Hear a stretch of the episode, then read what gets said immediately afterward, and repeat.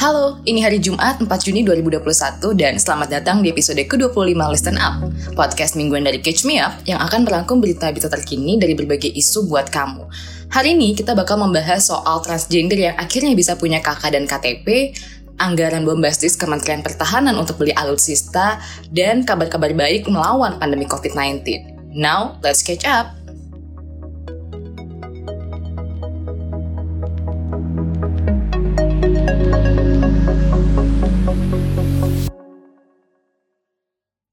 Pemerintah melalui Dinas Kependudukan dan Catatan Sipil Kementerian Dalam Negeri memberikan pelayanan pendataan dan perekaman IKTP dan kartu keluarga untuk kelompok transgender. Pertama, kita dengerin dulu penjelasan ini. Nah, untuk kaum transgender ini juga merupakan bagian tugas dari kami. Kami harus mendata mereka sebagai penduduk, sebagai warga negara Indonesia. Kami terbitkan KTP dan kartu keluarganya agar mereka bisa mendapatkan pelayanan publik dengan baik. Mereka warga negara yang harus kita layani. Kami melayani tanpa diskriminasi. Itu tadi penjelasan dari Bapak Zudan Arif Fahrullah, Direktur Jenderal Kependudukan dan Catatan Sipil Kementerian Dalam Negeri. Jadi katanya, tujuan pemberian IKTP dan KK kepada kelompok transgender ini untuk mencegah praktik diskriminasi dalam pelayanan publik. Dengan ngantongin IKTP dan KK, kelompok transgender bisa mengikuti berbagai program pemerintah. Bisa punya BPJS, bisa punya SIM, bisa ngurus bantuan sosial, bisa buka rekening bank, bisa ikut pemilu, dan masih banyak hal-hal yang bisa didapatkan kelompok transgender layaknya masyarakat Indonesia pada umumnya. Tentunya, teman-teman transgender harus ngasih nama asli, jangan diubah, karena ini adalah aturan wajib. Nama orang tua juga jangan diubah. Segala data diri yang asli harus dicantumkan. Terkait dengan data diri yang asli harus dicantumkan termasuk jenis kelamin biologis. Ini penting untuk diketahui. Di IKTP teman-teman transgender, di kolom jenis kelamin tetap ditulis perempuan atau laki-laki ya, alias kelamin biologis sesuai dengan jenis kelamin saat mereka lahir. Di Undang-Undang Nomor 24 Tahun 2013 tentang Administrasi Kependudukan kan hanya mengakui dua jenis kelamin, perempuan dan laki-laki. Selain itu, tidak ada peraturan di Indonesia yang memberi ruang pada ekspresi gender. Terus, kenapa mereka nggak punya IKTP kalau yang di IKTP sekarang pun cuma ditulis laki-laki atau perempuan? Yaitu tadi karena diskriminasi. Masyarakat umum lebih mudah mendapatkan layanan pembuatan KTP, tapi banyak transgender, terutama waria, nggak bisa memiliki kesempatan yang sama, karena di Indonesia transgender dianggap sebagai perilaku yang menyimpang. Umumnya, keluarga menolak keberadaan mereka, sehingga banyak waria melarikan diri dari rumah tanpa membawa kartu identitas apa pun. Secara konstitusional, negara bertanggung jawab tuh agar seluruh warga negara Indonesia berhak mendapatkan pelayanan administrasi induk terbaik secara cepat dan mudah, tanpa adanya diskriminasi para transgender yang sudah mengantongi nomor induk kependudukan bisa langsung mencetak IKTP dan KK ada di 9 provinsi, yaitu Banten, Jawa Barat, Jawa Tengah, Jawa Timur, Sumatera Utara, Sumatera Selatan, Lampung, dan Papua. Dengan adanya KK dan IKTP untuk kelompok transgender, rasanya ini menjadi salah satu pencapaian yang cukup berarti nggak mungkin dong untuk nggak diapresiasi. Kalaupun ada yang menganggap ini nggak bisa ditolerir, ya nggak apa-apa juga. Siapa pun berhak berpendapat, apa pun bentuk pandangan hidup kita sebagai manusia. Kenapa transgender harus dibuatkan KK dan KTP? Simpelnya karena mereka juga WNI. Sebagai gambaran, tahun 2005 silam, Kemendagri pernah mendata jumlah transgender yang jumlahnya mencapai 400 ribu orang. Sedangkan tahun 2008, terdata oleh Yayasan Serikandi Sejati, ada 6 juta transgender di Indonesia. Ini yang harus jadi perhatian.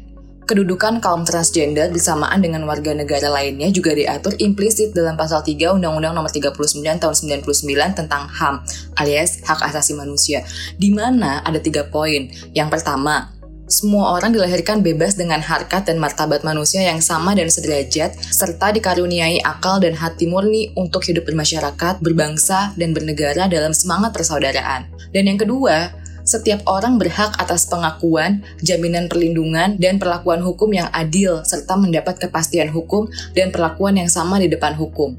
Yang ketiga, setiap orang berhak atas perlindungan hak asasi manusia dan kebebasan dasar manusia tanpa diskriminasi.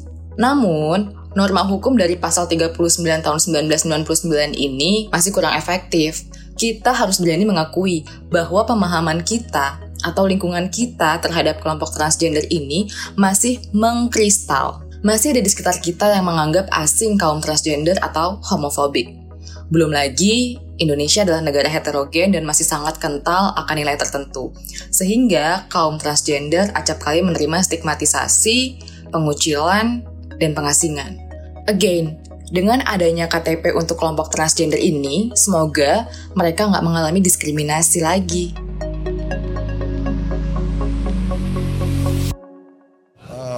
Rencana ini masih kita godok bersama Bappenas, bersama Kementerian Keuangan, dan uh, pemangku-pemangku kepentingan lainnya. Uh, sebagaimana diketahui, banyak al alutsista kita sudah tua, ya sudah saatnya memang mendesak harus diganti. Eh, kebutuhan-kebutuhan uh, sangat penting dan uh, kita siap untuk menghadapi dinamika lingkungan strategis yang uh, berkembang dengan sangat pesat. Yap, yap, yap, yap, yap. Bener banget nih buat kamu yang barusan bilang suara Pak Prabowo nih. Ada apa nih? Kok ngomongin anggaran alutsista kita yang udah tua? Jadi, Kementerian Pertahanan berencana untuk melakukan pengadaan alamat utama sistem persenjataan atau alutsista secara besar-besaran dengan nilai anggaran, dengerin ya, 1.760 triliun rupiah. Wow! Sebelumnya, Menhan Prabowo mengadakan rapat kerja bareng Komisi 1 DPR RI terkait rancangan peraturan presiden tentang pemenuhan kebutuhan alat peralatan pertahanan dan keamanan atau Alpalhankam Kemhan, dan TNI tahun 2020-2024. Kemenhan berencana untuk membeli alutsista. Anggaran Kementerian Pertahanan ini direncanakan melalui skema pinjaman luar negeri yang peraturannya tengah disiapkan.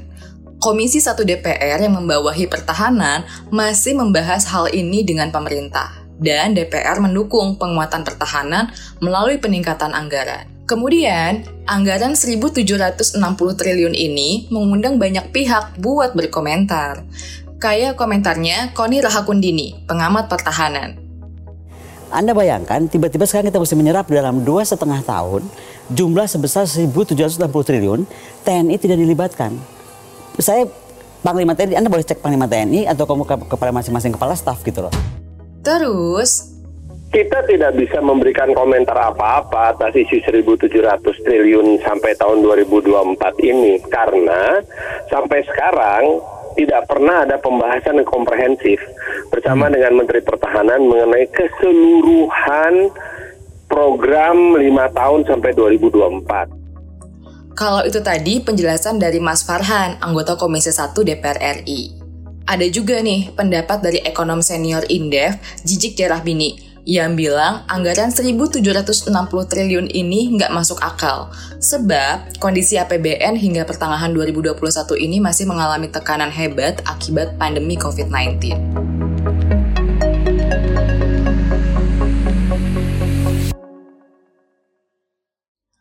Berhubung besok weekend, kita dengerin kabar-kabar baik.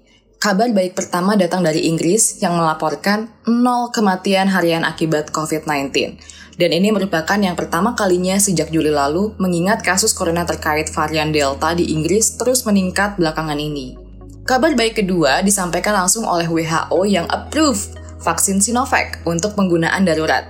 Dengan persetujuan itu, maka Sinovac jadi vaksin kedua asal Cina yang dapat lampu hijau dari WHO. Langkah WHO ini memberi negara penyandang dana, lembaga pengadaan dan masyarakat kepastian bahwa vaksin Sinovac memenuhi standar internasional untuk keamanan, kemanjuran, dan manufaktur. Kabar baik ketiga, Kota Serrana di Brasil nyaris memasuki fase normal setelah sebagian besar penduduknya mengikuti program vaksinasi COVID-19 Sinovac. Serrana mengalami perkembangan setelah Institut Butantan melakukan eksperimen untuk menguji efikasi vaksin Sinovac selama 4 bulan. Dan hasilnya, angka kematian akibat COVID-19 turun hingga 95%. Rawat inap pun turun 86%, dan kasus gejala ringan turun 80%. Sometimes giving up is the strong thing. Sometimes to run is the brave thing. Sometimes walking out is the one thing that will find you the right thing. Sometimes giving up is the strong thing. Sometimes Itu tadi berita-berita listen up hari ini. Terima kasih ya udah didengerin. Happy weekend. That will find you the right thing.